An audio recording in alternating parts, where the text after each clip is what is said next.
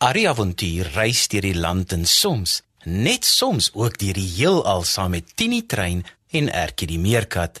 Hy's bang vir niks en saam met sy maats verskaf hulle vermaak aan groot en klein. Klim op maats, die storietrein gaan vertrek. Tini is 'n stoomtrein op sy eysterspoor. Arrie is sy passasier, hy soek avontuur. Die Bybel is hul kompas, dit hou hul op die spoor. Van alles wat met jou gebeur, kan jy by hulle hoor. Ertjie is 'n maatjie, 'n meerkat van die veld. Karosie is 'n stoute aap, hy doen gewone kwaad. Ertjie en Karosie en Arrie ook daarbey. Is almal net so spesiaal, so spesiaal soos jy. Kom nou maat skuif nader, luister bietjie daar. Is dit dalk die Tini trein wat ek daar gewaar?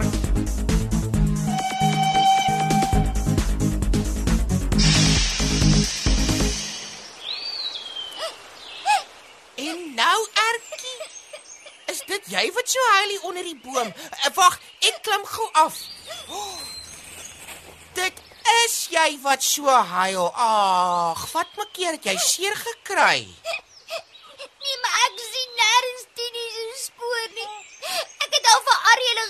geroep en niks gebeur nie. Dit is al 3 dae lank. Ag, ek, ek weet ek is nie altyd so slim soos jy nie, maar Arielle was al partykeer bietjie langer weg dink ek. Ja, jy is reg, Karosie. Maar as mens Tini se spoor soek of hulle roep, kom hulle altyd gou daarna. Maar nou, nou gebeur daar niks. Ek is bang dat daar iets met Ariel gebeur het. Ag nee, Ertjie, hoekom sal jy so iets dink? Jy, laas toe Arie hier was, was daar die super in die tent.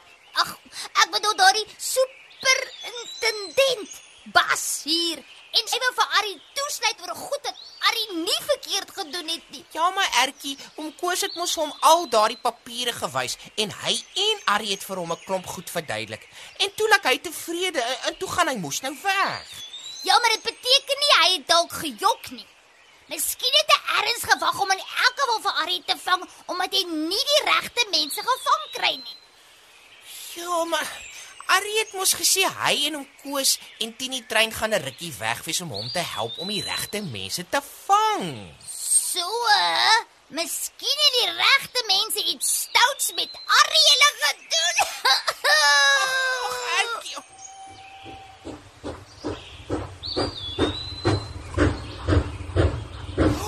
Oh, dankie tog.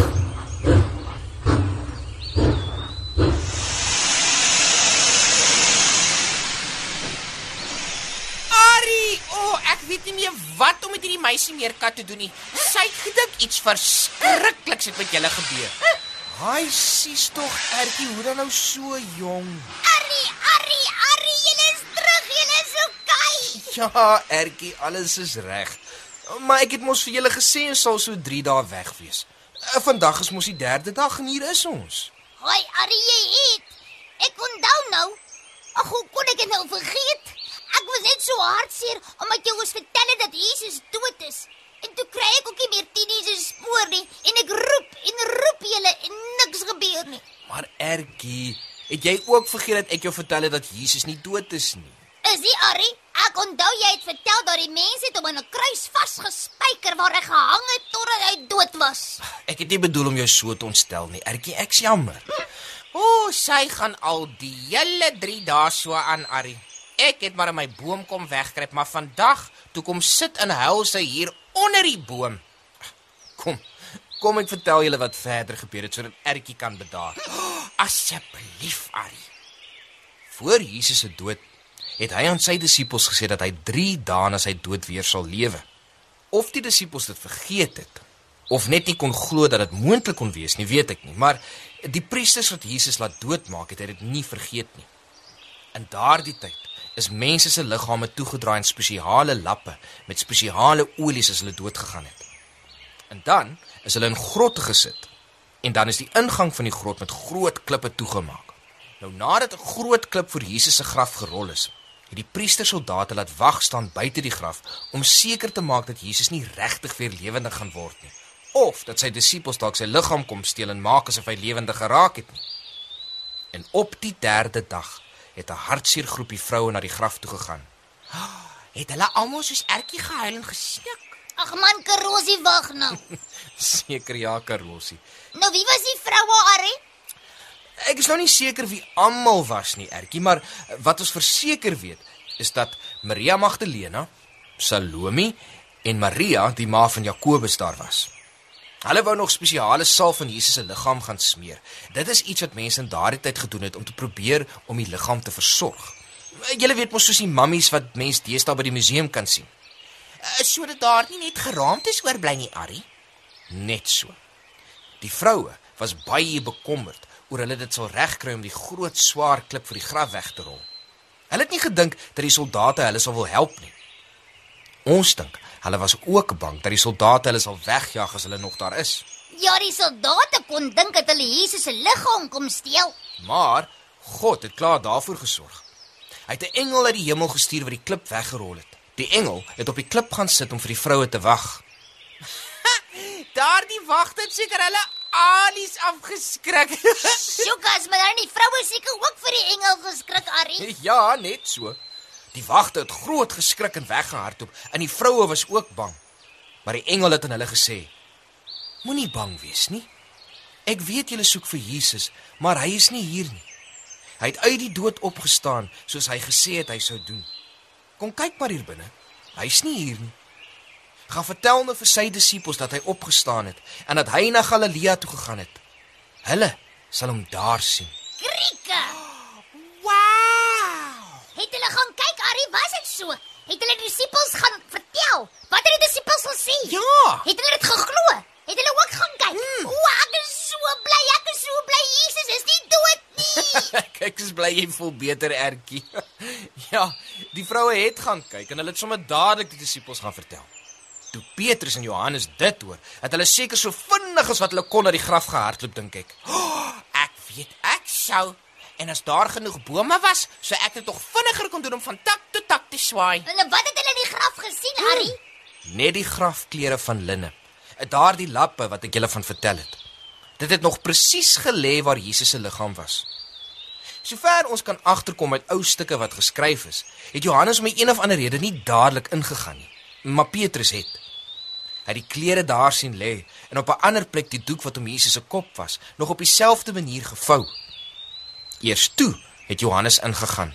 En hulle het albei geglo dat Jesus regtig opgestaan het. Toe het hulle huis toe gegaan om die ander te vertel. Nou wat het die vroue gedoen, Arrie? Het hulle ook huis toe gegaan? Het hulle nog mense van die goeie nuus vertel? Maria Magdalena kon haarself nie so ver kry om van die graf af weg te gaan nie. Miskien het sy nog gesukkel om te glo wat gebeur het, Arrie. Miskien het sy gedink iemand het vir Jesus gesteel. Hm, miskien is jy reg, Ertjie. Vandag nog is daar so baie mense wat die belofte van 'n wonderwerk kry of vra daarvoor. Maar wanneer dit gebeur, kan hulle dit nie sien vir wat dit is nie. Hulle vra sonder om te glo dat dit sal gebeur. So het sy toe net heeltyd daar gebly. Almal aan boord. Oepsie, ek het vergeet ons moet nog 'n paar dinge gaan uitsorteer by die hof. Ons het toe daardie onwettige prospekteerders opgespoor. Aan die saak word verder ondersoek. Goed so. Ek sal julle volgende keer meer moet vertel wat met Maria Magdalena gebeur het by Jesus se graf. OK, Arrie, ek is net bly Jesus leef en dat die span speketers gevang is. Dis potenspeketers, erkie nie spanspeketers nie. julle prospekteerders. Totsiens, sien julle weer. Bye. Tini is 'n stoomtrein op sy eysterspoor. Arrie is sy passasier, hy soek avontuur. Die Bybel is hul kompas, dit hou hul op die spoor. Van alles wat met jou gebeur, kan jy by hulle hoor. Erkie is 'n maatjie, 'n meerkat van die veld. Karosie is 'n stoute aap, hy doen gewone kwaad. Erkie en Karosie en Arrie ook daarby. Is almal net so spesiaal, so spesiaal soos jy. Kom nou maat skuif nader, luister bietjie daar. Is dit dalk die Tini trein wat ek daar gewaar? Die avonture van Arrie en Erkie is geskryf deur Elsie Stander. Dit word opgevoer onder spelleiding van Lazelle de Bruin, tegnies versorg deur Neil Roo en vervaar deur Worldwide Media.